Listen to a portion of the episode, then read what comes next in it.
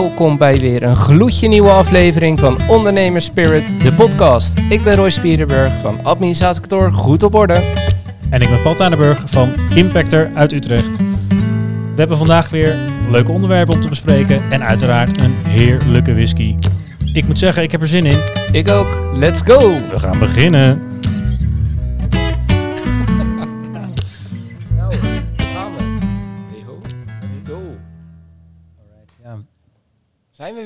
Zijn we weer. Welkom bij alweer een nieuwe aflevering. Hè? Ja, de hoeveelste? Ja, dat weten we dus even niet. Oh, oké. Dat, eh, ja. We gaan Lekker, eerlijk lekker voorbereid. Ja, ja. Nee, ik zal me eerlijk toegeven. We, eh, ook deze aflevering ehm, eh, hebben we al in december opgenomen. Dus dat is al best wel een tijdje geleden, waarschijnlijk. Maar ja, we hebben van tevoren even wat opgenomen. Omdat we weten niet helemaal zeker hoe het straks met de bevalling zit. Wanneer die komt natuurlijk. En Ja. ja. ik, ja, het wordt mijn eerste kind. Dus ik heb van horen zeggen dat je niet zo heel veel tijd hebt dan de eerste Nee. paar weken. Die tweede voelt als vakantie, maar die eerste... Oh man, maar ik vind het wel, wel mooi dat je het zo uitkient. Hè, dat je zo fijn vindt om whisky te drinken. Dat je het zo uitkient dat je meisje gaat bevallen ergens in januari. Dat je denkt, nou, als dat toch dry January moet doen. Ja, doen we in december alvast even een paar afleveringen opnemen. Precies. Dus dit is de 14 vandaag opnemen. Hartstikke gezellig. Ja, Ja, lekker man. Ja heerlijk. Ja, want deze komt. Zit alweer een kerstaflevering of zitten we nog Ja. ervoor? Nee, ik, eh, eh, even kijken We hebben al nog geloof ik begin Eh, januari. Hebben ja. we nog met Nix eh, natuurlijk. Die komt ook in januari. Dus het is waarschijnlijk in februari denk ik. Ja. Eind januari, begin februari. We zien wel. Ja. Kom maar goed. We gaan het zien. We gaan Kom het maar zien. goed. Aflevering X. Zo is het. En we- gaan het in ieder geval vandaag hebben over... ja, Roy maakt wel gebaren, maar dat, ik moet er wel om lachen, maar niemand die het Het is ziet. een podcast. Ja. Ehm, we gaan het in ieder geval hebben over eh, prijzen vandaag. ja. eh, pricing van je product als, eh, als ondernemer. Ehm, daar gaan we het zo over hebben. Maar we gaan natuurlijk eerst even een, een fles whisky erbij pakken. Gaan we doen. Ik zie, Roy, dat je alweer je boekje bent vergeten. Maat. Ja, Ja, het zal toch niet weer dezelfde dag zijn als de vorige keer dat je hem was vergeten? nee, nee, Nee, hè? nee. Nee, ik ben gewoon niet zo handig. Nee. Ik eh, pak eventjes eh, de fles erbij. Dan gaan we hem eerst even inschenken. Eh dat mag jij dan doen. En dan Ja. zal ik even vertellen welke ik heb meegenomen. Ik heb namelijk de Delwinnie meegenomen. Ik hem open. Lekker man. Lekker. De Delwinnie, Ja. 15 years old. Zo. De Highland Single Malt Scotch Whisky. Ehm, De, de gewone versie of de Winter's Gold? ja, de gewone versie. Oké. Leuk, eh, Roy. Ik, eh, Ja, ik, eh. had, ik had Roy geappt van tevoren. Ik heb de Winter's Gold thuis, dat, maar dat was dus niet zo. Hij stond al een tijdje in de kast, nog helemaal dicht. Ehm, en ik heb, eh, ja, ik had met, eh, met iemand een gesprek over de Winter's Gold. En toen had ik in mijn hoofd gehad dat ik hem zelf had. Maar ik heb dus de 15 years old. Ook goed. Ook goed. Nou, ehm, eh, als het goed is, zelfs wat, eh, wat beter. Die Winter's Gold heeft wel een leuk verhaal. Dat wordt namelijk eh, in de winter gedistilleerd. Dus ze, ze distilleren het alleen maar in de winter. Daarom heet hij de Winter's Gold. Oké. En ze raden ook aan om hem In de winter te eh, drinken. nou, vanuit de vriezer. Oh. Dus ijs en ijskoud. En dan wordt je dus gaandeweg dat je je drankje opdrinkt steeds wat warmer. En dan, Ja, ja, dan blijf je ja. dus steeds nieuwe smaken en geuren ontdekken. Dat is een beetje... Nice. Ik heb thuis een eh snow grouse staan. Dat is Oh. het- hetzelfde, hetzelfde idee vanuit de vriezer. Oh ja. Ja. Nou, dat Toen was ik nog in de veronderstelling, maar dat bevriest toch. Maar dat is natuurlijk helemaal niet zo. Nee, zulke hoge eh, alcohol. ja, volgens mij is het als het hoger dan 40% is, Ja. en dat moet bij whisky, dan eh bevriest het volgens het mij niet, hè? In ieder geval Nee. niet op temperaturen waar Nee. onze vriezer op staat. Wel Nee. als je Ja. lager gaat natuurlijk. Precies. Maar goed, die hebben we helemaal niet. Dus, Die eh, hebben we helemaal niet. Dus we gaan het nu gewoon over de Delwinnie eh 15 year hebben. mooi. Ehm, ja, wat wel leuk is over de, de, de distillerij Delwinnie, Ja. eh, is dat die op de, de koudste plek van de UK ehm, eh, ligt. ja. Ehm, dus misschien is dat ook een reden dat ze die Winters Gold maken, ook hebben die nu niet. Ehm, en eh Delwinnie betekent zoiets als ontmoetingsplek Oké. in het eh Gaelic. Ehm, en eh, het verhaal gaat dat zeg maar eh, door dat dorp, dat heet volgens mij niet Delwinnie, ik weet het niet precies eh, eerlijk gezegd waar dat, eh, waar dat ligt. Maar dat dat op eh, drie oude veedrijfroutes ligt. Waar dus vroeger eh, de, de veedrijvers met hun, eh, met hun koeien langskwamen. En dat het mede daardoor dus ook een hele populaire smokkelroute was. Dus dat zeg maar onder eh, de bontjassen die men nodig had op de koudste plek in Engeland. Of Schotland. Oeh, wow. Oeh, pijnlijk dit. Onze Schotse In de UK. I am sorry. In de Oh, UK. dat was India. Wat was dat voor, accent? Dat weet ik niet, Roy, maar, dat mag je later keer Ja, uitleggen. maakt niet uit. Maar in de UK, in Schotland, eh, dat er onder de bontjassen eh, de, de whisky werd, eh, werd gesmokkeld. Ja. Ehm, we hebben hier de Delwinny 15. Heeft ook een linkje met het thema van vandaag, pricing. Want deze staat volgens mij bekend als een whisky die een, een goede prijs-kwaliteitsverhouding heeft. Ehm, eh, volgens mij, ik weet niet meer precies hoeveel ik ervoor heb betaald, maar rond de 40, 50 euro zou je deze op de kop moeten kunnen tikken. Het klinkt als een schappelijke, Ehm, schappelijke prijs. En nadat hij dus ook goed, eh, goed smaakt, Ik als het hoop goed het. is. Eh, ik pak het boekje erbij, hè, zoals gezegd. eh, ik zorg altijd dat ik hem bij me heb natuurlijk. Maar we zijn nu bijna drie maanden verder naar jouw coronabesmetting. Ja, ja, dus nu, ja, nu Ruik je het allemaal super goed weer. Ah, heerlijk. Hij is in ieder geval geel-goud van, van kleur. ja, zeker. Ehm, Ja, vrij, vrij licht. gewoon, ja. ja. Ja. fantastische glaasjes. Hè? ja, uit onze eigen ondernemers-spirit glazen. Drinkt gewoon lekkerder. ja, dat drinkt wel beter nog weer. ja. Ik denk dat zelfs de Johnny Walker Red Label lekker is nu. Dit glas. Laten we die de volgende keer doen. Of Of wel? niet? Nee. Onze vrienden van de show, de exclusieve content, gaan we allemaal dat soort whiskies proeven. Ja. ah, de cola smaakt prima. Ja, een beetje whisky erbij en dan... eh, Maar wat ruiken we, joh? Zo veel zoeter dan wat? dan dat je zou verwachten. Oh. Ja, maar niet... ehm, Beetje wat voor zoetheid dan? Honing? Kan maar niet. Ja, maar wel, ja, ja, misschien wel een beetje honingachtig, ja. En, maar ook iets... ehm Beetje geel, geel fruit. hoor. Ja. ja, de kleurenschil. Ci- ci- Citroen en zo. Ja? Die, die kant gaat een beetje op. Ik, hm, ja. Ook nog wel een leuke tip trouwens voor de, voor de, voor de luisteraars. Die, eh, ik denk dat zitten die gasten joh. Maar wat nou ook leuk is om te doen, dat hebben wij op, tenminste ik heb dat onthouden van het whiskyfestival in Den Haag, waar we waren in de Grote Kerk. Dus als je hem nog niet jaar geleden? hebt- ja, pan, pre-corona. Dus eh, die poep nog met een lange hoes schreef. Is echt lang geleden. Nee, 2018 of 19, weet ik veel. 19 jaar. 19, Ja, maar in ieder geval, ehm, als je door je neus inademt en door je mond uitademt, dan kan je al dingen proeven in je gehemelte. Qua smaak, zonder dat je dus echt een slok neemt. Zoals je heel lang met je fles whisky wil doen. ja, Ja. Nee, nee, maar dat is serieus. Dat is wel leuk om, om dat even te, te, te oefenen en te trainen. Ja. Nu denk ik al die luisteraars zitten ze nou te sniften en te hijgen. Maar dat is serieus. Dat, eh, dat, Ja. eh, Nou ja, dat, eh, ik, ik geloof en als je. ruikt, moet je hem ook van je ene naar je andere neus gaat laten, laten gaan. Hè? Want je ruikt, ruikt andere, Kan, ja. andere dingen. Maar eh, ik, ik moet toch ook wel een beetje aan een soort van ehm, eh, lenteachtig eh, ja, veld denken, weet je wel? Met een soort van ontkiemende grassoorten bloemen. Dat, dat, zoiets erachter ruik ik ook wel. Maar misschien is dat meer in eh, fruit, zeg maar, iets van een peer of zo. Heb je Sound of Music gekeken van de week? Nee, Dat je Nee. daarom die... eh nee, ik heb het zelfs nog nooit gezien, eh, denk ik. houden zo. ja? Ja, is is wel een klassieker, toch? Ja, Ja. ja zeker. Het is ook drie uur van je leven die je nooit meer terugkrijgt. nee, het is niet mijn type film, maar het is wel, het is wel een klassieker, zeker. Ja, nou, ik, We gaan hem proeven. ja. Genoeg geroken. Oet. Lekker. Ja, ik vond ook wel lekker. Ja, hij is heel zacht. Hij is heel zacht, ja. Ja. Wel, ja, die, Misschien iets... wel echt ehm, zoet. Het is niet die honing die ik rook. Het is meer citroen. Ik krijg een beetje die, eh, die smaak van een beetje dus- lichte fruit. citrus. Ja, ja. Ja. Nou, hier komen we de, de uitzending wel mee door. Of de aflevering. Zou ik Ja, zeggen. deze is wel lekker. Nou, goede Heb prijs-kwaliteitsverhouding. je één eh. fles bij je? Of? Ja, ik heb maar één fles bij me, ja. Ja. Maakt niet uit. Maakt niet uit. Kan nee. gebeuren.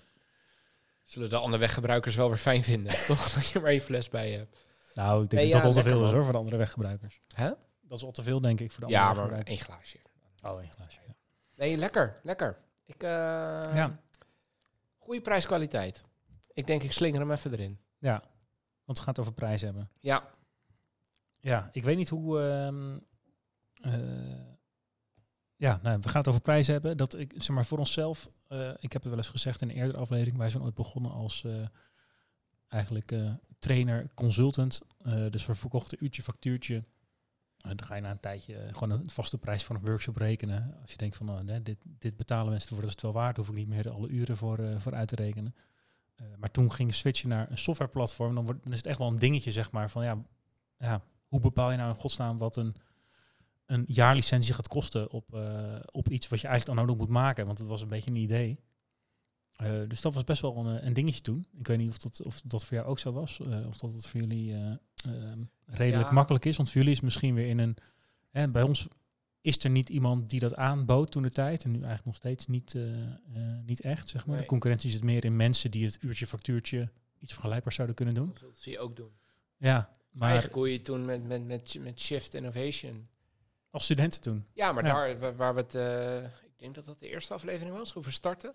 Dat we het toen over hadden, dat je zei van ja, er was nog niemand. En het enige waar we konden concurreren was prijs. Omdat we Ja, we waren minder ervaren, maar we konden hetzelfde doen.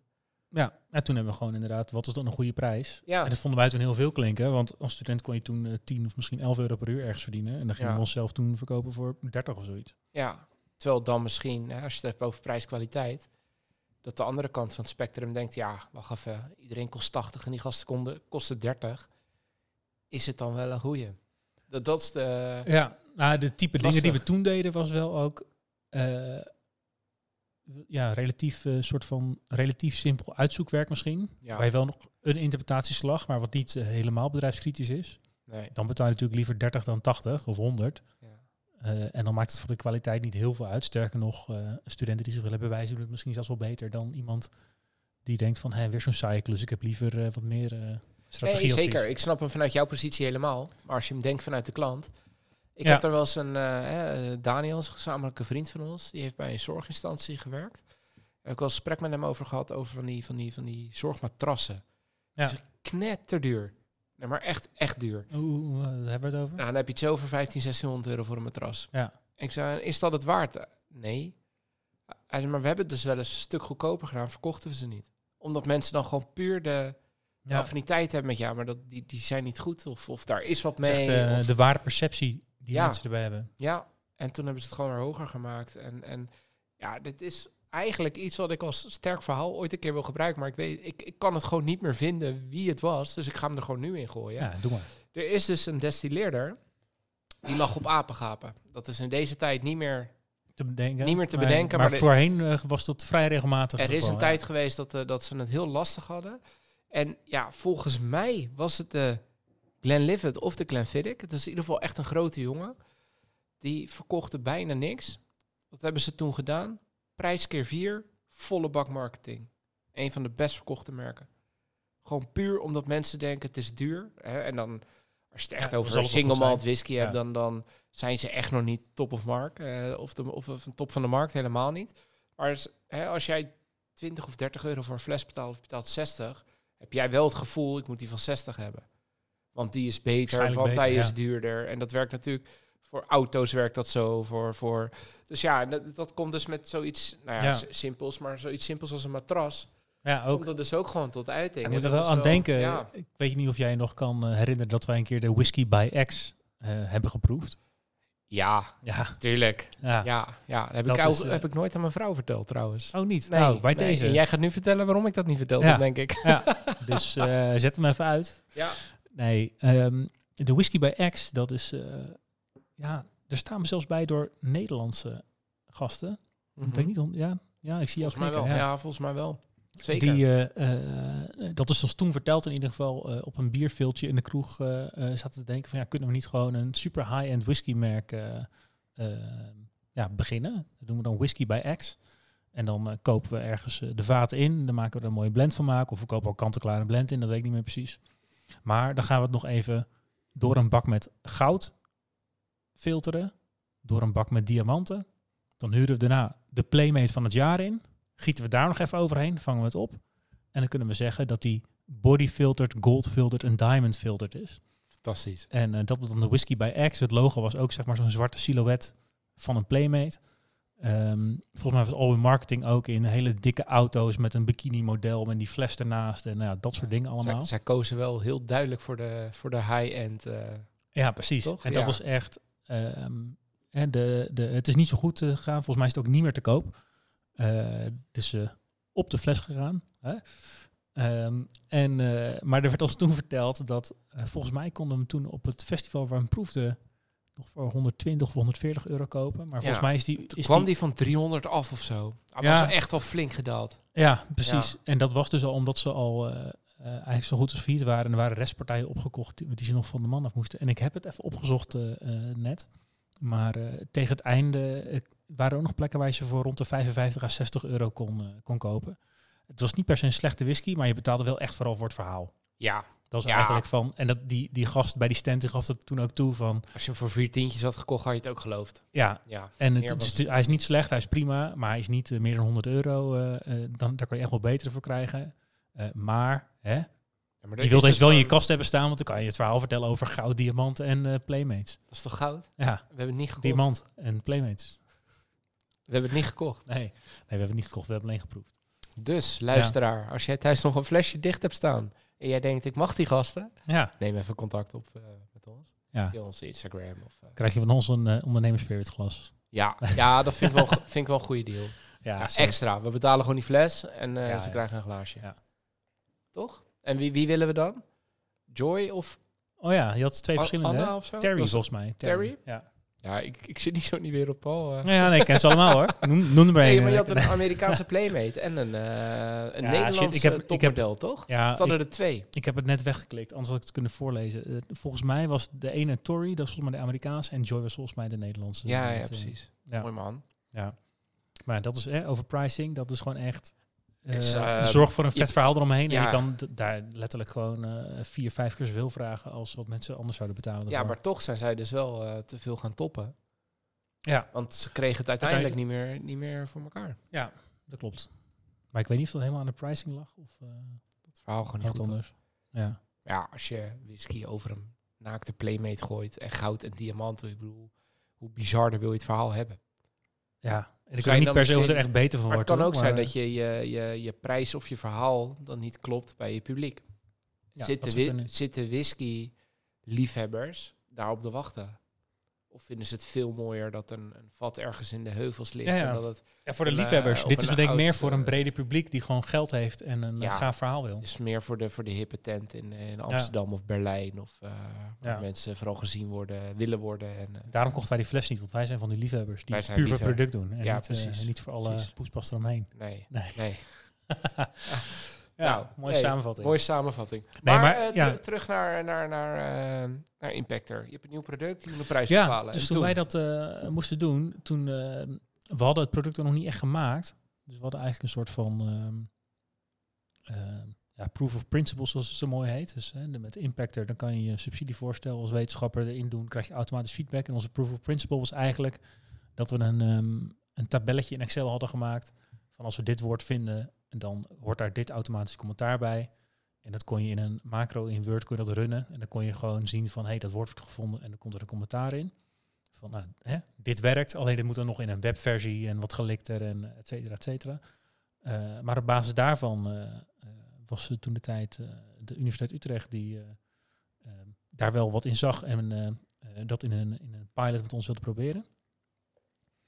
En daar, fijn om gelijk zo'n partner te hebben die dan ja, ja, zeker. Ja. bereid is naar mee te gaan. Want je zit nog Ja, die heb je nodig, want ja, je, ja, we vonden het zelf wel een tof idee, maar we wisten niet of dat echt iets ja, zou kunnen worden. nee. Dus we wilden pas de tijd gaan investeren om het echt te gaan maken als eh, iemand wel een soort van eh, interesse erin toonde. Ja. En ook daar wel iets voor wilde betalen. Want we, ja, we, we je kunnen, uit de kosten bent. ja, dus we hadden excuus, toen iets afgesproken over ehm, eh, ja, dat, het, dat ze zouden afrekenen eh, per voorstel wat geüpload zou worden. En eh, dat ze sowieso voor een minimaal aantal eh, uploads zouden betalen, eh, geloof ik. Dat, eh, dat ze ook wel een incentive hadden om, eh, of een reden om het te, te intern te promoten. Ehm, en eh, eh, wij zijn toen een beetje gaan rekenen van als we nu bereid zijn dit te betalen eh, per voorstel die dus zo'n testfase doorheen gaat, hè, dan, eh, dan weten we ook van als we doen zoveel voorstellen per jaar, Ja. eh, daar doen we een bepaald percentage van, want je redt nooit iedereen. En dat wordt dan de licentiefee per jaar. En dan kan je de eh, markt een beetje gaan, gaan in kaart gaan brengen. wat ja, dan- precies. En daar hebben we ons toen echt veel te rijk mee gerekend. Ja, Ehm, qua aantal voorstellen of marktaandeel wat je dacht te pakken? Of Nou, zij waren het gewoon. eh, ehm, ja, zij waren het er eigenlijk gewoon niet mee eens dat we op die manier gingen rekenen. Dus ze werden eigenlijk nog net niet te weggelachen van tafel eh, van eh, ja, maar jongens, dat is echt veel te hoog. Dat, eh, dat gaan we nooit betalen voor, voor, voor zoiets. Eh, dus uiteindelijk is het, denk ik, de prijs, ik denk een factor drie lager of zo geworden. Oh, dat is wel serieus. Eh, ja, dat was, dat was echt wel eh, serieus. En, eh, dus wij hebben toen ook echt even moeten nadenken. Van, gaan we het hierheen wel, wel kunnen doen, zeg maar. Eh, en dat is zeg maar, we hadden ons heel rijk gerekend van, nou ja, hè, eh, je hebt maar een paar klanten nodig en dan, eh, dan ga je gelijk sky high. Eh, maar ja, de kosten zijn natuurlijk niet zo super hoog. Ik bedoel, je hebt je server draaien en eh, ja, That's it. ja, Ja, en it. uren. Je eigen uren. Ja, je niet eigen aan uren. Een, aan een ander kan verkopen. Ja, Dat tuurlijk. Maar, eigenlijk meer... ja, dat klopt. Maar ja, als, als, als, als, omzet. ja, het is meer als het platform eenmaal draait, dan Ja. kost het niet heel veel extra om nog een klant aan te sluiten. Nee. Want jouw uren zitten er toch al in, zeg maar. Ja, ja, ja. ja. Dus, dat, eh, eh, dus daarmee dachten we, ja, het kan dus uiteindelijk wel uit. Maar dat is wel, eh, ja, dat waren wel een paar pijnlijke weken, zeg maar. Want je, ja, je zit jezelf eerst al een paar maanden eigenlijk rijk te rekenen van, hey, als, we, als we nu zoveel betalen per voorstel wat erin gaat, en er gaan zoveel honderden voorstellen per jaar, die dienen ze in. En straks gaat eh, 40, 50% ervan gaat door ons platform. Nou, dat, hè, dan doe je dat eh maal elkaar. Dan trek je er nog wat van af. Want eh, het moet wel voordeliger zijn om een jaarlicentie af te nemen dan het eh, per voorstel af te rekenen. Ja. Eh, maar toen bleek toch dat dat wat, wat optimistisch geschat was. Maar dat is denk ik wel de enige manier om een prijs vast te stellen. Nou, niet de enige manier, maar wel een goede manier bij zo'n licentiemodel. Namelijk, wat is een klant bereid te betalen? En je kan zelf wel allemaal mooie Excelletjes maken. Ja. Maar uiteindelijk moet wel iemand zeggen van, ja, je berekening klopt wel, maar dat is niet hoe wij die waarde ervaren of hoe wij het willen inzetten. En wij zijn bereid dit ervoor te betalen. Ja. ja, en dat vond ik wel een hele rake opmerking van, eh, van Jelle Drijver in, in aflevering drie, vier, drie volgens Drie, mij. Ja. Dat die, dat die, toen wij vroegen aan hem veel, hoe ben je nou begonnen met ondernemen? En eh, dat hij daar ergens, eh, dat hij gewoon netwerkborrels afging en ehm na, na zijn toertje in, in, wat was het, Frankrijk op zijn motortje. En dat hij eigenlijk zei van, hey, LinkedIn, dat ga ik opzetten voor je. En dat, dat iemand vroeg aan hem veel, wat, wat kost het? Dat hij hem gewoon omdraaide van, hé, wat is het jou waard? Ja. Dat is wel, eh, kijk, tuurlijk heb je voor jezelf een bepaalde kostprijs in gedachten. Maar als jij natuurlijk ziet van, hé, hey, die klant noemt bedrag X, daar kunnen we het wel of niet voor doen. Of die marge vinden we wel of niet rendabel. Dat is wel een hele goede, goede manier om hem af te pellen natuurlijk. Dat Ja. je vanuit de marktprijs... Maar wat je daar wel voor nodig hebt, is dat mensen het concept al kennen. Ja. Dus hij ging het hebben over, volgens mij een workshop over social media strategie en dergelijke. En mensen hebben wel een bepaalde gedachten bij hoeveel een workshop kost. En voor ons was dat heel lastig, want mensen hebben wel een idee wat... wat nee, nee, eigenlijk hadden mensen dus geen idee hoeveel het waard zou zijn om nee. een platform te hebben waar je subsidievoorstellen in stopt, die, waar je automatisch feedback op krijgt. Want dat, dat was er gewoon niet. Maar wat levert het zo op? Bij succesvolle inzending. Ja, veel. Maar dat zeg maar, de, daar zitten nog zoveel factoren omheen. Dat, dat, daar hebben we er hele leuke berekeningen voor gemaakt. Ja. Maar jullie zorgen wel voor een, een, een, een, verhoging van slagingskans, toch? Ehm, ja, dat is in maar, feite wat je aan de voorkant analyseert. Van joh, als je het zo indient. Ja, dan, ja, klopt. dan- maar dan- dit, dit, dit is, eh, ehm, ik ben ervan overtuigd dat het nog steeds waardevol is, ook als iedereen het heeft. En als iedereen het heeft, dan verhoogt jouw slagingspercentage niet meer natuurlijk. Nee. Maar dan is het nog steeds nuttig om te hebben. Waarom? Omdat het eh, veel sneller dan eh, ik als persoon zou kunnen, of als iemand anders als persoon zou kunnen, er bepaalde elementen uit kan halen die zeggen van hé, dit is niet goed. Of dat je in een fractie van een seconde, in plaats van in twee weken leestijd, eh, gelijk kan zien van hé, welke mensen in Europa zijn met soortgelijke dingen bezig. Die misschien nog niet gepubliceerd hebben, hè, want dan weten vaak wel meer mensen het, maar die alleen maar een subsidie hebben gekregen. Mhm. Nou, dat is informatie die wij in een paar seconden kunnen geven. Ja.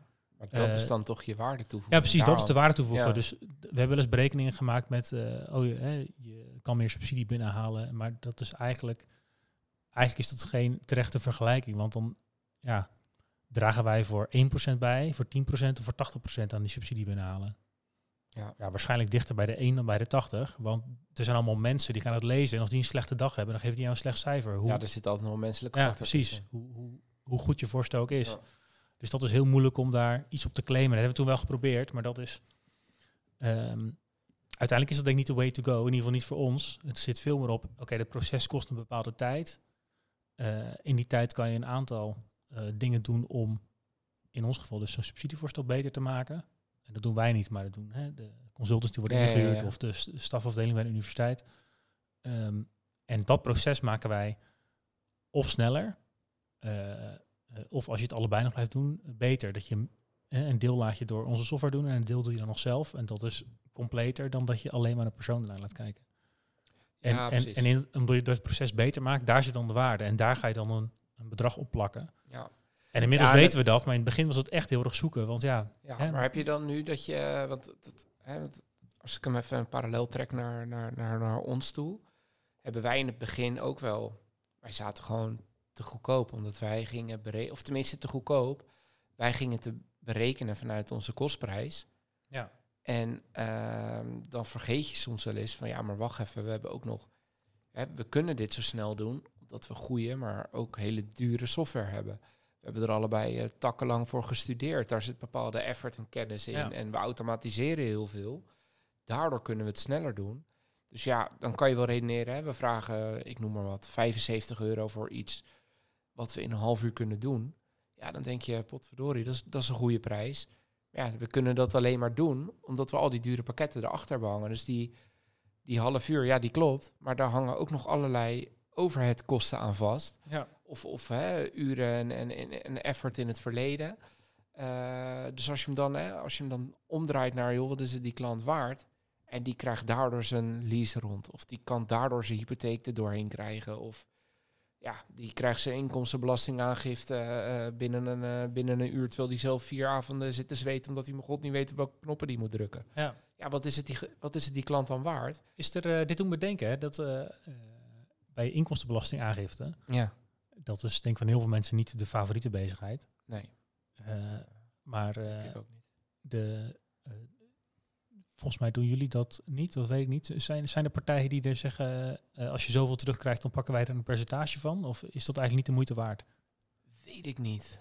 Weet ik niet of partijen dat doen. Heel veel Ik- mensen ik krijgen natuurlijk ook maar, eh, tegengekomen. heel veel mensen krijgen natuurlijk ook maar 300 euro terug. En dan eh, heeft het je net zoveel tijd gekost als... eh, Ja, nou ja, dat klopt. Maar het is ook eh, als jij natuurlijk net, eh, net, net verhuisd bent. En eh, je hebt daardoor heel veel notariskosten, financieringskosten. Je hebt dus heel veel extra aftrekposten. ja, Of je bent een zelfstandige met een enorm klote jaar, waardoor je gewoon heel veel terugkrijgt. ja, Ja, dan heb je als je het procentueel eh, gaat afspreken, heb je ook in één keer 600 euro betaald. ja. Voor, voor hè, als je Ja, zegt nee, klopt, bijvoorbeeld ja. pakken 5%, ik noem maar wat. ja ik, ik, ik zit Ja. te denken, ik, ik denk niet dat ik het zelf heel aantrekkelijk zou vinden als particulier. Nee, ik zou dat eh, in ieder geval, hè, mochten mensen luisteren en die hebben dit met een adviseur afgesproken, zou ik daarvan afwijken. Eh, maar goed, om erop terug te komen, het komt dus ook wel eens voor dat wij dan een rekening sturen, terwijl ze ook nog eens, eh, weet ik veel, 15.000 euro belasting moeten betalen. Ja. Of als ondernemer, hè? want als Ja, ja. particulier heb je wel ergens enorm de boot gemist als je zoveel moet bijbetalen. Ja. Maar eh, ja, dat komt ook voor. Maar ja, onze tijd en, en effort nee, is, is niet minder. En ik weet nog heel goed, hè, Maar- wij, wij, toen wij begonnen deden we zelf de administratie. En vooral Tijmen moet ik dan de credits geven. Eh, maar wij zijn toen op een gegeven moment met jullie in zee gegaan. Ja, En ik weet niet of jij nog weet wat je toen de tijd zei.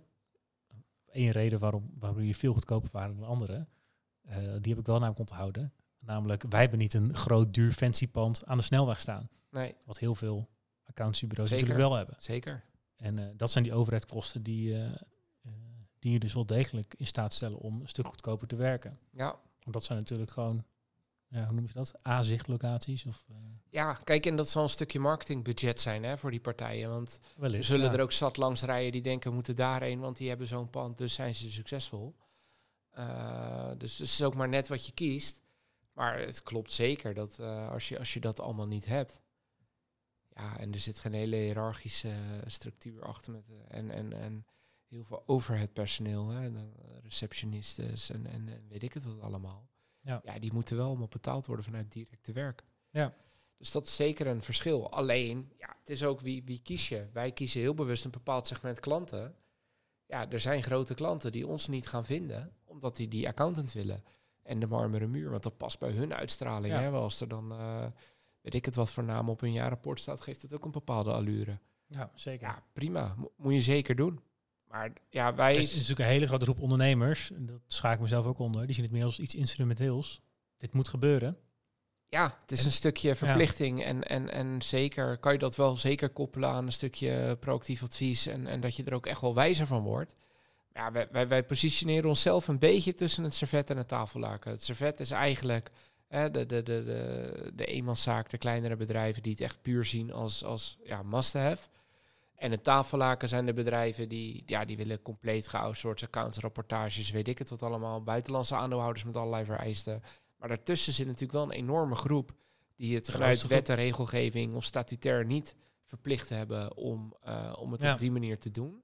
Maar het wel gewoon willen, want dan krijgen ze inzicht. Eh, er kijkt iemand even over hun schouder mee met een hele andere visie. Of, of in ieder geval een, een goede eh, sparringspartner. Ja, en dat is de groep die je wil. En daar kan een bepaalde prijs bij horen. Waarvan wij nu gekozen hebben, dat wordt onze prijs. Ja, en daarmee zijn we voor een aantal, en dan noem ik het even servetklanten, te duur geworden. Ja. Prima, maar dat is een keuze. En er zijn ook genoeg collega's die het ook allemaal goed kunnen. Voor wel een lagere prijs, maar die geven dan niet dat stukje extra. Nou ja, als je daar oké mee bent, moet je ook zeker naar die partij gaan. Maar het is wel een hele bewuste keuze. Dus ja, Dat is ook hoe je een markt uiteindelijk idealiter verdeelt, toch? Dat er Uiteindelijk zich wel. focust op een ander segment en dan eh daarbinnen Precies. is er genoeg, Ja, genoeg ruimte. En wij krijgen dus ook vaak klanten over. Dat zeggen, ja, ik heb heel fijn samengewerkt met mijn boekhouder. Maar ik wil nu naar een BV met personeel en ik wil Ja. door. En, dat, en loonadministratie. En dat kan mijn huidige partij niet. Ja, prima. Weet je, wij wel. Dus Ja. dan krijg je ook een beetje de klanten die, die, die bij je passen. Hebben jullie ook al klanten gehad die zo erg gegroeid zijn dat ze zeggen, we moeten nu, eh, daar hoort nu echt een eh, zo'n volledig accountancy kantoor bij, eh, de, one of the big four. Ja, ja, dat was niet de Big Four, maar wel... eh, ja, die Oh. Maar wel dat- zo doorgegroeid. En dat kwam eh, met name doordat ze investeerders hadden gevonden. Oh ja, er die echt dat soms serieus bij geld-. Ja, die er Ja. echt wel serieus geld in wilden pompen. Maar, Maar dan wel onder de voorwaarde dat de volledige administratie onder hun toezicht kwam. En Ja. dus bij hun vaste partij. Ja. Ja, nou ja, Ja. snap ik. Ja. Z- zou ik ook doen. Ja, Dus dat, dat, ja, dat, dat gebeurt ook. Ja. Ja, zeker, zeker. En dat is ook helemaal niet. eh, niet die gaan dan richting tafellaken en dat is ook dan, dat- daarmee vallen ze dan ook uit je focusgroep eigenlijk. Ja, ja Dus maar we dan, hebben ook een klant die heeft dus wel verplicht eh, alle wet en regelgeving die bij de tafellaken hoort. Maar wij doen alles tot en met, of tot aan de accountsverklaring. Dus die accountant komt controleren, maar wij bereiden het hele dossier voor. Wij doen eigenlijk alles, behalve de krabbel zetten. Ja. Daar laat ze dan een externe partij naar kijken. Ja. Dus zo kan je het ook verdelen. Ja. En dat is voor die accountant heel fijn, want die weet gewoon, joh, als ik met Roy zulke afspraken of met Goed op Orde zulke afspraken maak, dan heb ik qua controletijd veel minder tijd nodig. Dus ik kan het wat goedkoper doen, maar ik ben ook minder uren kwijt. Ja. En voor mij is het heel prettig, want ik kan gewoon de klant behouden tot een bepaald moment. Ja, en dan is het ook gewoon goed om, om met een accountant. En het is, vaak wordt het als een noodzakelijk kwaad gezien, maar ook voor ons, ook bijvoorbeeld bij een belastingcontrole, is het soms ook wel gewoon fijn om die te krijgen. Om gewoon even vanuit de andere kant te kijken, joh, zijn we nog wel de goede dingen aan het doen? Ja. Dus ja, dat is op zich, eh, op zich werkt die markt best wel, best wel goed zo. Maar dat is wel doordat je een bepaalde, nou ja, niet zozeer een prijs kiest, maar wel een bepaalde markt kiest. En er hoort een bepaalde prijs bij. Ja, ik kan me voorstellen dat het voor jullie wat in die zin misschien wat makkelijker was. Omdat je, je was al werkzaam in die sector. Dus je Ja. wist misschien een beetje van oké, de high-end kost zoveel, de hele goedkope kostte zoveel. Ja, je hebt een goed, goed breed Dan- referentiekader. Ja. Ja, zeker. zeker. ja, want wij moesten echt bij potentiële klanten gaan praten van oké, maar hoe ziet het proces bij jullie eruit? Hoeveel tijd kost het dan? Eh, hoeveel levert het op als we dit en dit zouden kunnen doen? En eh, ja, daar distilleer je dan een soort van, eh, van prijs uit. Ja, En dan hoop je maar dat het goed is. En inmiddels weten we ook van ja, dit is wel net een beetje duur voor alleen maar onderzoeksinstituten. Dus echt voor de kleine onderzoeksinstituten die, dit, die ons product graag willen gebruiken, die kunnen dan tegen een, een kleine institutenprijs krijgen. En, en wat houdt dat dan in? Geef je, geef je dan korting? Of is ja, het, dat is eigenlijk een eigenlijk is dienstverlening minder? nee, Of- eigenlijk is het gewoon een korting op het, eh, op het, eh, op het bedrag. maar ze krijgen precies hetzelfde. Eh, nou, ze krijgen ehm, eigenlijk, ook wat minder, eigenlijk ook wat minder dienstverlening. Nou, het Ja. product zelf is hetzelfde. Maar bij de grote partijen zit, doen we er eigenlijk wat meer uh, trainingssessies bij. Omdat er ook veel meer onderzoekers zijn die daar een keer een, een aanvraag gaan schrijven. Eh, en die daarmee dus ook ja, willen weten hoe ze het kunnen gebruiken. En daar, daar creëer je dan eh, eh, sessies voor. eigenlijk een soort trainingssessies van hoe gebruik je dit, hoe maak je een account, hoe log je in en eh, ehm, eh, hoe gebruik je dan vervolgens dit product tijdens het schrijven van je aanvraag. Ja, bij zo'n klein instituut hoef je dat eigenlijk maar één keer te doen. En dan Ja, ja dan zit het iedereen bereikt. Ja. Ja, wat geven jullie wel eens korting? Dat je eigenlijk gewoon minder betaalt voor hetzelfde? Ehm, eigenlijk alleen een soort van vaste staffel. Dus als mensen eh, voor meerdere jaren tekenen, Ja, een soort volume. dan krijg je een korting. Omdat die zekerheid is ook wat waard. Dat is eigenlijk al heel vroeg toen wij begonnen. eh, ja, is dat, dat is eigenlijk een les die, ik nog steeds, eh, die wij nog steeds toepassen. Namelijk, je moet nooit korting geven. Je bent niet een, een, een auto-onderhandelaar die als je, als je lief lacht, dan nou prima, dan halen we nog wat vanaf. Ehm, nee, het is, je geeft alleen maar korting als je daarmee waarde voor jezelf creëert. Dus het wordt een uitruil. Dus als een, als een Ja. klant ehm, langer wil tekenen, dan geeft dat voor ons zekerheid. En dan, dan zijn wij bereid daar eh, eh, iets van de taart af te staan, als het ware. Ja. We hebben ook iemand Omdat je weet dat je volgend jaar weer een taart hebt. Ja, precies. Ja. Eh, we hebben ook iemand gehad die wilde het liefst een meerjarig contract van tevoren alles betalen. Ja, dan kan je er nog weer een klein beetje wat van afhalen, want dan heb je al het geld voor drie jaar nu, in plaats van dat je één keer per jaar, wat we dan normaal gesproken doen, eh, die licentiekosten in rekening brengt. Met de huidige rente bij de bank zou ik daar wel eh, meer voor vragen, omdat je de rente moet Ja. vergoeden. Maar, nee, ik snap je punt. Maar, hè, maar, Maar, er zijn dus, ja. er zijn, eh, de, inmiddels de inflatie weer wat hoger geweest. Dus dan, Ja. nou, maar er zijn redenen om dat wel te doen, maar er moet altijd een reden zijn. Je moet eigenlijk nooit zomaar korting geven. Dat is in ieder geval wat wij aanhouden. Dus korting kan, maar dan moet er wel iets tegenover staan wat ons wat waard is. Dat het voor Ja. ons makkelijker gaat, sneller, Ja. eh, dat we een grotere zekerheid hebben op de lange termijn, eh, meer zekerheid van nu het geld hebben. Nou, de- dat je, soort dingen. ken je het boek van Jos Burgers? Ken je Nee. Jos Burgers? Nee. Dat is echt een, een, een, een goeroe op dit gebied. En als we hem... ah, Sorry, Jos, als je luistert, ik vind je een held. Nee, ja, het zou mooi zijn als ze die een keer aan tafel krijgen. Eh, maar dat is wel, eh, die, die heeft een boek geschreven. Dat boek heet ook Geef nooit korting. En een van de redenen, die, die, die geeft ook aan eigenlijk, eh, wat, wat jij net zegt. Van het is niet zozeer korting, maar als, dus stel ik zou jou vragen, joh, ik wil korting. Dat jij dan zoekt bij mij voor een reden waarom. Ja. Geef mij maar een reden waarom het niet zoveel hoeft te kosten. En als dat dan inderdaad is, hè, als ik hem even betrek op goed op orde. We gaan het anders aanleveren. Of je krijgt van mij de formats of weet ik het wat. Waardoor wij heel snel... Ja, dan is het ook geen korting meer. Want wij gaan ook veel Ja. minder tijd kwijt zijn. Omdat het efficiënter gaat. Ja, En Ja, dat, ja, klopt. Dat, dat is... Maar dit is wel, ehm, ja, het is ook wat het voor jou op dat moment waard is. Hè? Dus dat, eh, Zeker. En het kan best wel complex zijn. Dus wij, wij hebben een keertje, ehm,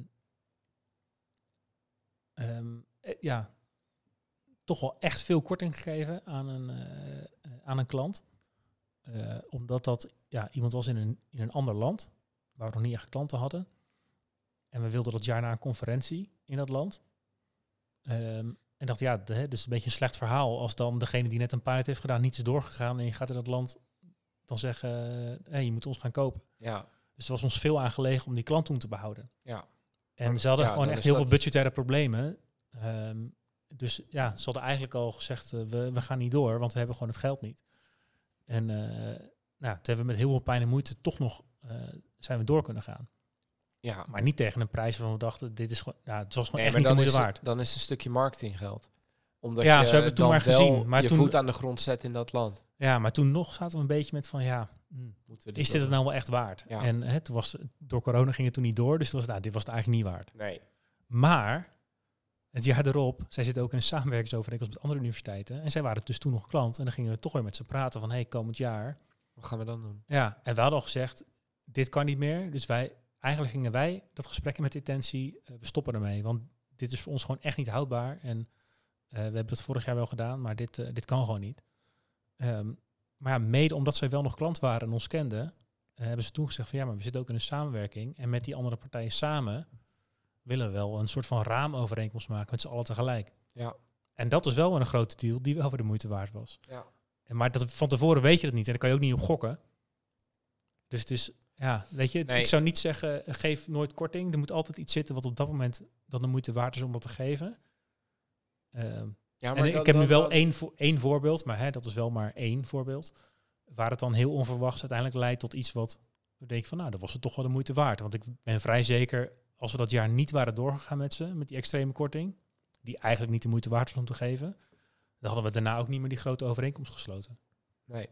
Nee, oké. Maar dan denk ik wel, wat is dan de definitie van korting? Ik zie korting wel echt als je betaalt hetzelfde of je betaalt minder voor hetzelfde. En je krijgt er ook echt daadwerkelijk niks voor terug. En jullie kregen er in dit geval wel een netwerk, een voet aan de grond in een ander land. En, Uiteindelijk en- niet, hè? en- Dat dachten we van tevoren. Maar door- ja, eens. Maar de goed, weet je, corona- ja, corona had niemand, eh, had niemand voorspeld. Nee. Ehm, weet je, kijk, dat, dat is ook bijvoorbeeld met, met, met al die coronamaatregelen. Hebben wij ook echt lang niet al onze uren doorberekend. Ja, schieten we onszelf in de voet? Ja, waarschijnlijk wel. Maar ja, ze bestaan allemaal nog en ze lullen wel over je. Ja. En dat is dan uiteindelijk je, dat de klant er nog is en dat je er in de toekomst gewoon weer je geld aan gaat verdienen. Maar advocaat van de duivel, die klant was heus niet failliet gegaan als jij die twee uur extra wel had gefactureerd. Of die vijf uur. Weet ik niet. Nee, ja. ik- Toch? nee, ja, nee, ik ja. bedoel, hè, ik, eh, laten we... Waarschijnlijk niet. bedoel, Maar de- de- we hebben het ook wel over sommigen die ook wel echt die hangen van de strohalmen bij elkaar, zeg maar. Ja. En, en als je hem op dat moment wel stuurt. Kijk, en dat, dat kan ook best zijn in de vorm van dat als ze straks weer... weer eh, kijk, we hebben wel tegen alle partijen gezegd, dit is wat we eraan besteed hebben. Ja. En dan zie je ook vanzelf hoe de klanten met jou omgaan. De eerste een die heeft later gezegd, veel, eh, wat krijg je nog van me? Nou, dan Ja, weet je ook gelijk dat je een hele goede relatie hebt. ja, nee, Is zeker. ook wat waard. Ja. Eh, maar nee, echt- maar die mensen gaan over je praten, over goede service Precies. en zo. Maar er zit ook weer een gevaar in. Dat ze zeggen van, joh, als het even slecht gaat, dan eh, sturen ze geen rekening. Dus eh, hè, ja, als, nee, als de business niet goed gaat, zou ik zeker naar hen toe gaan. Want eh, dan kan je nog een potje breken. Ja, nee, daar, nee, daar moet je dus wel mee oppassen. En dat Ja. valt denk ik ook wel een beetje met, met kies je klanten. En daar hoort een bepaald prijsspel bij. Eh, ja. nee, eens. Kijk, Audi zal weten dat ze te duur zijn. Qua kostprijs versus verkoopprijs. Maar ja, je koopt er een heel merk en status bij. Ja, precies. Ja, hetzelfde. Daar als, kies je eh, voor. Dus mis- bepaalde mensen vallen daarvoor. Daar Misschien nog specifieker Volkswagen versus Skoda. Ja, Dat is, eh, ik, ik, hè, ik, nu alvast mijn excuses, want ik weet heel weinig van auto's. Interesseert me ook vrij weinig, moet ik heel eerlijk zeggen. maar ik heb me wel eens laten vertellen, dat was Volkswagen en Skoda. Er worden heel veel in dezelfde fabrieken gemaakt, dezelfde Zeker. Zeg maar, hetzelfde onderstel. ja, er is heel veel hetzelfde aan, maar er zit wel een verschil in prijs. Ja. Maar dat is alleen maar puur de merkbeleving Ja. waar je dan voor betaalt. En terwijl je dit zegt, eh, weet ik dat ik nu dus te veel betaald voor mijn nieuwe Volkswagen. Lekker man. Absoluut. Hè? Ja. Of bedoelde iemand andersom? Denk ik niet, hè? Nee. Nee, ja, nee ik, ik doe het niet eens op jou, maar gewoon in zijn algemeenheid Nee, heb je wel gewoon te veel betaald voor je auto, zeker. Waarschijnlijk wel, ja. ja. hey, en wat voor eh, prijs eh, is voor jou meest werk? Want jullie werken denk ik Eerste vooral... prijs, dat, dat, daar gaat het maar meestal. Daar gaat het altijd om. Nee, maar ik bedoel, wat licentiebasis voor jullie natuurlijk denk ik het beste. Omdat je... Ja, zeker. Ja, dus ja, we doen eigenlijk verschillende dingen. We doen ook, eh, omdat we steeds meer eh, ons zijn gaan verdiepen in allerlei ehm, algoritmiek, het, het, het, het matchen van een stukje tekst met hele bakken aan tekst. En dat zijn, dat zijn dingen die zich ook wat beter lenen voor een soort van dataconsultancy-achtige achtige dingen. Eh, dus we hebben eh, vorig jaar ook wel eens, vorig jaar is het nieuwe innovatie- en ehm, onderzoeksprogramma in de EU begonnen, Horizon Europe. Dus met allemaal nieuwe call topics. eh, voor, ja, dat was nog wat minder bekend dan het programma daarvoor, want dat, dat bestond toen al zes jaar. Dat kende iedereen inmiddels wel een beetje van waar, waar ligt de focus op. Maar het nieuwe programma had dan toch weer nieuwe accenten. Dus daar hebben we een paar keer dat soort eigenlijk ja, one-time jobs eh, verkocht als een soort van consultancyklus. Van oké, eh, geef maar allemaal data van je onderzoekers.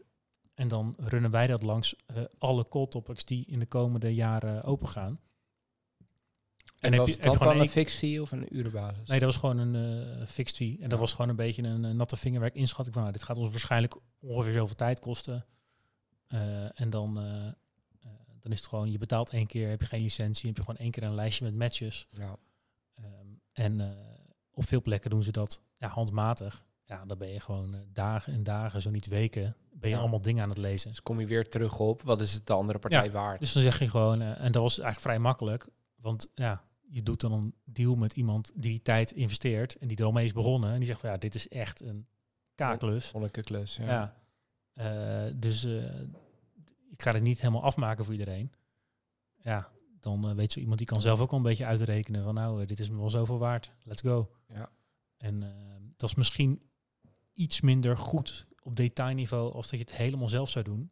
Maar het geeft wel een eh, soort van hoog over overview van hey, bij deze mensen passen deze dingen. En dan kan je daar nog eventjes eh, eh, even een uurtje investeren om het de- even de te fine-tunen. 80-20 regel, toch? 20% Absoluut, van de ja, tijd, zeker. 80% Ja. van het werk te kunnen fixen. Dat is het echt. Maar voor het product zelf is het gewoon licentiefee het makkelijkst. Is gewoon, Ja. wij hebben een platform, je kan erbij en dan betaal je per jaar om erbij te kunnen. Ehm, wij hebben het liefst ook niet, nou, het liefst niet, we doen het gewoon niet. Eh, dat we allemaal dingen gaan bijhouden, zoveel accounts. En, eh, dat, Nee, nee, nee. Gewoon, Gewoon, dit is het, take it or leave ja, Ja, precies. want dat kost ook allemaal tijd. En moeten we dingen gaan bouwen om alles gaan bij te houden. En hoe vaak ben je ingelogd? En Ja. moet je daar, nee, het is het gewoon... moet ook een beetje werkbaar en klantvriendelijk blijven. Precies. Ja. En dat is eigenlijk waarom, daarmee kiezen we impliciet voor de wat grotere instellingen.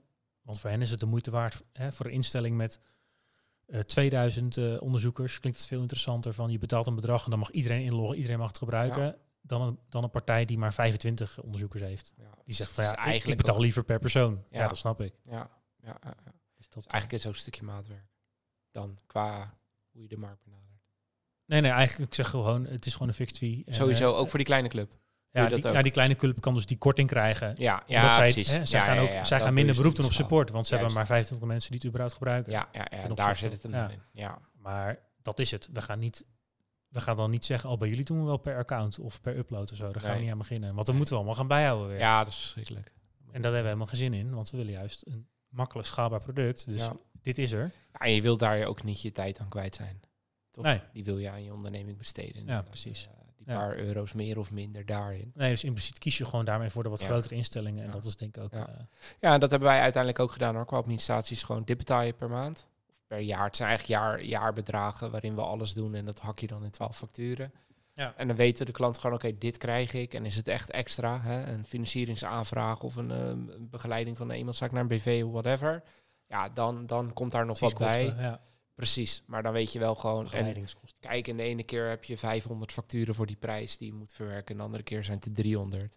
Ja, you win some, you lose some. De ene keer bellen ze misschien voor, je zal ook wel of geen lease-auto nemen. Ja, Ja. Kijk, als het echt te gek wordt, dan ga je wat rekenen. En verder zit alles er gewoon in. En dat maakt het uiteindelijk wel veel makkelijker, denk ik. Ja.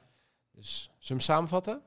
Nou ja, Geef geen korting als je er niks voor terugkrijgt. Het moet een, een ere of een, een, een Ja, waarderuil zijn. wat mij betreft is dat echt eh, tip eh 1 tot en met 10. Ja, Zeg maar, Eens. Je, je geeft niet korting om een klant binnen te halen. Nee, je geeft korting om dat weer terug te krijgen. Die klant moet ook weten dat het... Ja. Zeg maar, het kost jou iets, dus dan moet je ook wat terugkrijgen. Anders voel je denk ik ook genaaid als je... Toch? Want dan blijkbaar als ik tegen jou zeg het kost 1000 euro... en jij geeft twee Duur, minuten hoor. later Nou, tegen mij... 800. Zo, ja, het kan ook voor 700. Ja. Dan denk je, ja, wat was dat eerste bod dan? Ja. Hoop je me, probeer je me dan te naaien. Ja. Dat ja, gevoel zou ik hebben. Ja, precies. Dus geef nooit korting. Tenzij. En kijk wel qua... qua durf, durf, zeg maar te kiezen voor, voor je klant en de prijzen die erbij horen. Toch? Ja. Dus Ja, ik zou zeggen, probeer bewust. voor een, voor een eh, ehm, eh, waardegebaseerde prijsstrategie te kiezen. Ja. Dus wat is het waard voor een klant en daarop aan te passen. Want Ja. kosten gebaseerd, ja, in heel veel, in heel veel sectoren dat kom je niet aan natuurlijk. Dan moet je gewoon, het kost me 1 euro om te maken en dan ja, maar vraag toch ik 1,10 euro. 10. denk Maar- ik wel. Want je hoort heel vaak, we moeten kosten besparen. Je hoort nooit, we moeten omzet verhogen. Dus het is volgens mij wel de markt die bepaalt wat kan jouw dienst waard zijn. En op Ja. basis daarvan kan je kijken, oké, welke kosten kunnen we daarvoor hebben en kunnen we het dan leveren. Ja. Dat is dan uiteindelijk de volgorde. Ja. Mooie afsluiter. Mooie afsluiter. Eh, ja, dan ga jij wel nog even een mooi verhaal vertellen, toch? Man, of niet? ik heb, nog, eh, eh, ik heb een heerlijk verhaaltje. Oh, dan knallen we nog even de jingle ervoor in. Ramt Let's go. er maar in. Once upon a time. Ja, ik, eh, ik ben helemaal fan, man, van deze jingle. Echt heel goed. Maar Once Upon a Time, dat is volgens mij een hele eh, mooie Check. verhaal. Ja, Vink. Vink, is die weer. Vink, ja. Once Upon a Time, er was eens. eh, de jaren 1500? Oh, ik weet het nog goed. Ja. ja, Tijdens de, tenminste dat zeg ik wel, maar tijdens de renaissance. Ik weet niet wanneer dat was. Voor mij toen ongeveer. Eh, koning James IV, die had toen geïnvesteerd in het ontwikkelen van aqua vitae. Oftewel Levenswater. levenswater. Ja. De vroegere benaming van het prachtige product whisky. Eh, en daar investeerde hij in door het vinden van de alchemist John Damien. Want die was op zoek naar een middel voor onsterfelijkheid. En hij was er vrij zeker van dat aqua vitae eh, daarin een, een, een sleutelingrediënt was. Dat denk ik ook. En eh, dat was eigenlijk het, het allereerste begin van ehm, de zoektocht van whisky als medicijn. Dus ik heb een paar voorbeelden waarvan dit de eerste is. Dan schieten wij door naar de 16e eeuw. We gaan lekker door. Eh, toen werd whisky namelijk verkocht als een langzaam gerijpte tonic. En die werd gebruikt eigenlijk tegen, tegen pijnbestrijding. En het was die periode dat eh, de meeste mensen, dus de, de Schotse populatie, ik geloof dat 90% ongeveer op platteland leefde. Dus je had vrij weinig eh, toegang tot doktoren en hier apotheken en, en weet ik het wat. Dus ja, die hadden allemaal vrouw, vrouwtjes, wijze dames die, die, die het merendeel van de, van de, van de geneeskrachtige genezing eh, deden. Eh, en, en, en die waren ook fervent fan van destilleren. Dus ook die gebruikten weer heel veel eh aquavitae. Maar goed, toen kwam de hekserij. Ehm, en in die periode dat, je, dat, dat ze, die, die vrouwen deden eigenlijk het aquavitae combineren met, met allerlei kruiden. En, eh, Beetje de, hoe heet dat ook weer? Grok of zo, toch? Wat is dat in Nederland? Van eh knalsterke drank, eh, een beetje verwarmd, kruiden erin. Dat is goed tegen verkoudheid en alles. Ja, ja, nou ja. Ik weet niet of het grok heet, maar dat inderdaad. En die tonics, die, ze deden dat eigenlijk bij die langzaam gerijpte tonics. En dat begroeven ze, begraafden, begroeven, begroeven ze in de grond. Maar goed, de hekserij kwam. Dus de vrouwen werden opgejaagd en vermoord vanwege het maken van giftige drankjes, toversdrankjes, et cetera. En toen kwamen wij in de 18e eeuw terecht. We maken even een korte tijdsprong. En eh, toen was er eigenlijk de, de, de opschoning van de Schotse hooglanden. Dus heel veel van die boeren die eh, hadden inmiddels die tonics en recepten gevonden in de grond. Ja, ja. Maar goed, die moesten verhuizen. En, eh, want ja, er kwam een opruiming. De schone Schotse hooglanden moesten, Maar wat, wat is moesten dan? schoon. Ja, Wat is dan schoon? In welke? geen, geen landbouw meer, eh, Oh. puur natuur. eh, oh, op die manier kant. schoon. Ja, ja. ja, dus ja, klinkt gewoon als wegjagen. Dus die, Ja. die, die, die, die boeren zijn in alle uithoeken van de wereld terechtgekomen. Namen alle recepturen mee. Vandaar ook dat het hele destilleren en, en, en het hele maken van whisky... dus ook in heel veel andere landen dan, dan, dan Schotland is, is aanwezig is. Ehm, maar goed, ze zullen veel van die recepten hebben meegenomen. Niet allemaal zullen gewerkt hebben. En ik heb hier één voorbeeldje. Dat is een, eh, een recept uit de 15e eeuw. En die wil ik toch even, even benadrukken. Ook in het kader van eh, jouw zwangere vrouwtje. Kan je hier misschien wat mee eh, Ah, tegen de tijd. eind januari, begin februari? Namelijk, dit is het recept tegen doofheid. Ja, Uit die tijd, hè. ja, ja. Neem een plukje van het eigen haar Ja, en mix dit met eenzelfde hoeveelheid aqua vitae en, daar komt die, moedermelk. oké, ja. Mix dit alles door elkaar en plaats dit vervolgens in het, in het oor. Ja, En ga dan op de inmiddels bank liggen met het oor omhoog en laat het een paar uur in je oor zitten. oh, dat is wel een tijdje liggen. En dat zou dus eh, helpen tegen doofheid. Nou, ik hoor er niemand meer over, dus ik denk niet dat het, eh, dat het geholpen heeft. Maar dit is dus een voorbeeld van alle recepten die die eh, oude wijze vrouw eh, toen in ieder geval heel goed konden vermarkten. Of het is gewoon verloren Ja. kennis nu. Dat het heel goed werkt. Zou ook kunnen. Ja. Dus als je een dove luisteraar bent, wat ik op zich al heel uniek vind. maar laat ik het anders zeggen, je kent iemand dan, en het helpt, laat het ons weten. En dan eh, rest me eigenlijk niets om voor nu gewoon te proosten op eh, de moderne medicijnen en, eh, en goede whisky. Delwinnie 15. Zeker. En dan cheers. Slantje. Slentje.